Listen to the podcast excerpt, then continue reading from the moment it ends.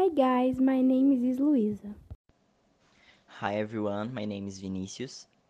And today podcast you talk about Sino Arthur Conan um Doyle detective story, starring Sherlock Holmes and Dr. Watson, the Expected Band. Well, Ellen Stoner is Julia's twin sister. They live with her stepfather, Dr. Hoylott, who studied medicine in India and met the twins' mother when they were two years old.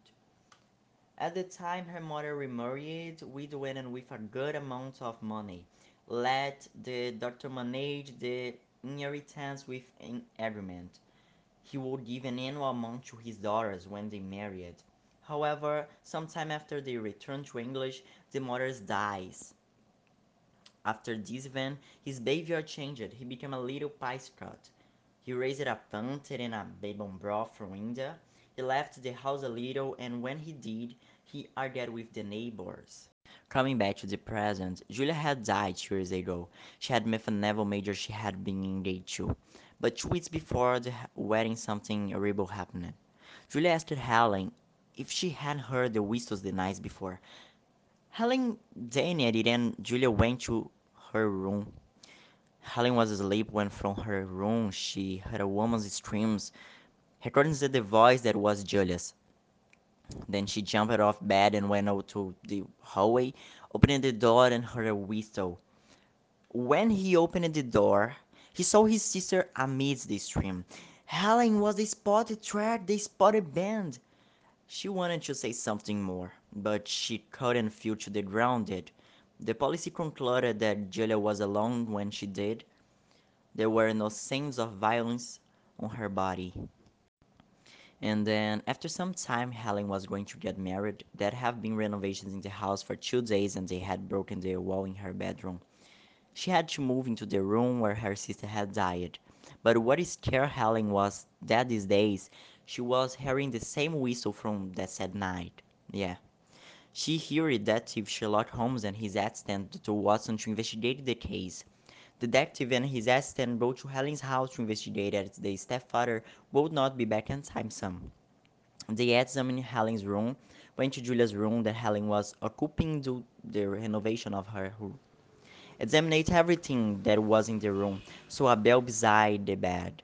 Helen had said that the bell was new, that is two years two years had been installed. Suspicious Holmes pulls the bell and concludes that it is a fake. After they went to the doctor's room, Holmes saw a safe and asked Helen what was inside the safe. Helen replied that the safe was full of papers, but when they opened the safe, there was nothing inside, and on the safe there was a saucer of milk. Holmes tells Helen that they will have to sleep in Julia's room as they would investigate the noise that was bothering her. Louisa is not with you, tells the outcome. But I noticed that now this is going to have a spoiler. Yeah. That night, Holmes and Watson were in investigation, but Dr. Wallet was not suspicious. Suddenly, at 3 o'clock, they hear Whitley. Holmes lights a match and tapes a cane on the rope. Holmes asks Watson if he hasn't seen anything, but Watson is asleep and hasn't not seen anything. But within seconds, the began to hear screams of pain. So Watson took out his automatic revolver and followed Holmes, who was heading towards the doctor's room, knocked on the door unanswered. They entered the room. On the table there was a lamp. The safe was open. Next to the table was Dr. Roach. Looking up the face, there was a strange bench on his forehead.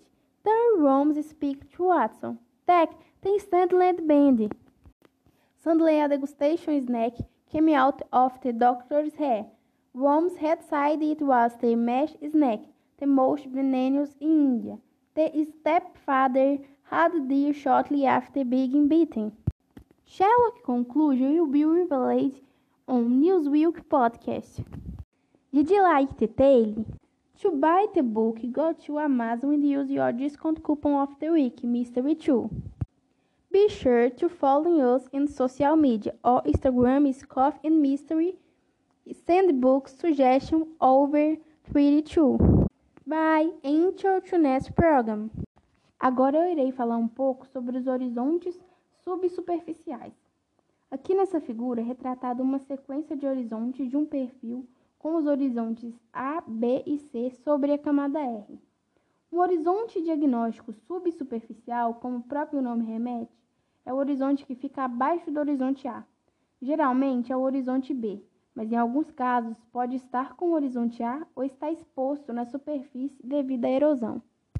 Os horizontes diagnósticos subsuperficiais eles são classificados em horizonte B espódico, latossólico, incipiente, textural, nítico, plânico, cálcico, glei, plíntico, litoplíntico, vértico, fragipan e duripan.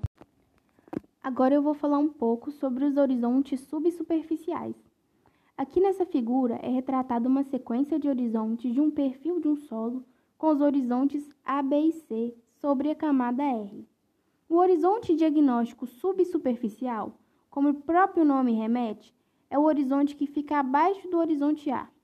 Geralmente é o horizonte B, mas em alguns casos pode estar com o horizonte A ou estar exposto na superfície devido à erosão. Agora eu vou falar um pouco sobre os horizontes subsuperficiais. Aqui nessa figura é retratada uma sequência de horizontes de um perfil de um solo com os horizontes A, B e C sobre a camada R. Um horizonte diagnóstico subsuperficial, como o próprio nome remete, é o horizonte que fica abaixo do horizonte A. Geralmente é o horizonte B, mas em alguns casos pode estar com horizonte A ou estar exposto na superfície devido à erosão. Esses horizontes eles podem ser classificados em espódico, latossólico, incipiente, textural, nítico, plânico, cálcico, glei, plíntico, litoplíntico, vértico, fragipan e duripan. Bom, agora eu vou falar um pouco sobre o horizonte diagnóstico subsuperficial B textural.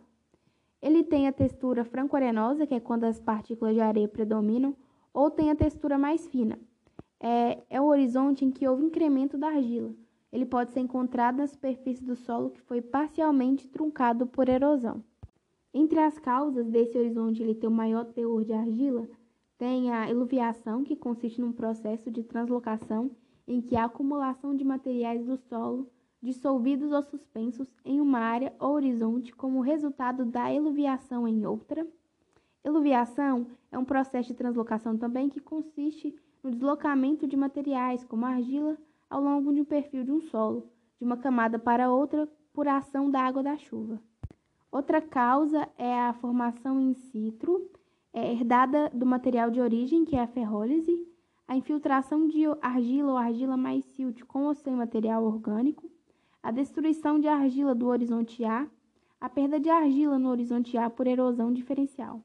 E esse, esse horizonte ele pode ou não apresentar serosidade.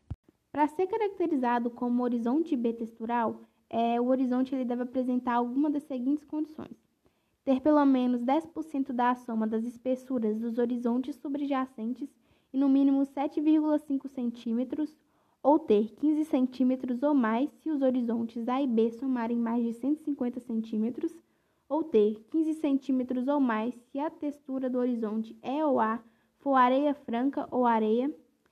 Se o horizonte B for inteiramente constituído por lamedas, estes devem ter em conjunto espessura superior a 15 centímetros ou ter espessura de pelo menos 7,5 centímetros se as condições anteriores não forem atendidas. Outras condições que esse horizonte deve satisfazer é possuir um horizonte E no século acima do B, desde que este não seja um plânico, plíntico ou espódico. Ele deve ter uma mudança textural abrupta ou possuir relação B para A que satisfaça uma das alternativas a seguir. Nos solos cujo horizonte a contém teor de argila maior de 400 gramas por quilograma, a relação textural deve ser maior do que 1,50, ou seja, o horizonte B deve ter 50% a mais de argila do que o horizonte acima dele. Ou nos solos cujo horizonte A contém teor de argila entre 150 a 400 gramas por quilo, a relação textural deve ser maior do que 1,70, ou seja, o horizonte B deve ter 70% a mais de argila do que o horizonte acima dele. Ou, nos solos cujo horizonte A contém teor de argila menor que 150 gramas por, é, por quilograma, A relação textural deve ser maior do que 1,80, ou seja, o horizonte B deve ter 80% a mais de argila do que o horizonte acima dele. Agora eu vou falar um pouco do horizonte B latossólico. Ele é um horizonte em avançado estágio de intemperização, intensa de silificação e lixiviação de bases e concentração residual de óxidos de ferro e alumínio, e argilominerais do tipo 1 para 1, do grupo caulinita, resistentes ao intemperismo. Agora eu vou falar um pouco sobre as características dos belatossólicos. Eles apresentam um avançado estágio de intemperismo, pouco expressivo ou nulo acréscimo de argila em relação ao horizonte A. A sua estrutura é forte, muito pequena, pequena granular, que é a microestrutura, ou blocos subangulares fracos ou moderados. A sua textura é franco-arenosa ou mais fina. Sua relação silt-argila é menor do que 0,7, classificando a textura média, ou menor do que 0,6, classificando a textura argilosa. A sua espessura mínima é 50 centímetros e a sua relação KI é 2,23. É menos de 4% de minerais primários alteráveis ou 6% ou menos de muscovita na fração areia. A sua CTC é menor que 17 mols por quilograma de argila e sua serosidade, se presente, é no máximo pouco e fraca. Bom dia! Hoje iremos falar sobre os horizontes diagnósticos subsuperficiais. O TRI é composto por mim, que sou a Luísa, pela Lisandra e pela Maria Luísa. Leonardo Fibonacci foi um matemático italiano nomeado como o primeiro grande matemático europeu da Idade Média. Ele ficou conhecido pela grande descoberta da sequência de Fibonacci e pela sua participação na introdução dos algarismos arábicos na Europa. Isso ocorreu através do seu livro O Liber Abaci, que foi publicado pela primeira vez em 1202 e foi atualizado em 1254. Fibonacci também escreveu diversos problemas em seu livro, incluindo o relacionado à reprodução de coelhos, que diz: certo homem pôs um casal de coelhos em um lugar totalmente cercado. Quantos casais de coelhos podem ser gerados por esse casal em um ano se supusermos que a cada mês cada casal gera um novo casal, o qual começa a se reproduzir a partir do segundo mês de vida? O problema utilizado por Fibonacci em Libeabace foi sobre o crescimento idealizado de uma população de coelhos. Para isso, ele propôs que certo homem pôs um casal de coelhos em um lugar totalmente cercado. Quantos casais de coelhos podem ser gerados por esse casal em um ano se supusermos que a cada mês cada casal gera um novo casal, o qual começa a se reproduzir a partir do segundo mês de vida? Com essas condições, inicia-se a construção da sequência. No primeiro mês, há apenas um casal de coelhos. Isso acontece porque a maturidade sexual dos coelhos dá-se somente a partir do segundo mês de vida. No mês seguinte, continua havendo apenas um casal. No terceiro mês, teremos o nascimento de mais um casal, totalizando dois casais. No quarto mês, com o nascimento de mais um casal, que é gerado pelo casal inicial, visto que o segundo ainda não amadureceu sexualmente, teremos três casais. No mês seguinte, que é o quinto mês, com o nascimento de dois novos casais gerados pelo primeiro casal e pelo segundo casal, totalizam-se cinco casais. Seguindo essa lógica e as condições estabelecidas previamente por Fibonacci, temos a sequência 1, 1, 2, 3, 5, 8, 13, 21, 34, 55, 89 e 144. Ela representa a quantidade de casais de coelhos mês a mês. Observando com mais cuidado, pode-se perceber que qualquer termo posterior dessa sequência é obtido adicionando dois termos anteriores. Vejamos, o sexto termo dessa sequência é 8. Se somarmos os dois termos anteriores, que é 5 mais 3, encontraremos 8. Assim, 89 é o termo que virá após 55, pois 34 mais 55 é igual a 89. Dessa forma, para determinar o próximo, basta fazer 89 mais 55, que encontraremos 144. Se considerarmos Fn o número de pares de coelhos no começo no Bzn, temos que F0 é igual a 1, F1 é igual a 1, F2 é igual a 2, F3 é igual a 3 e F4 é igual a 5.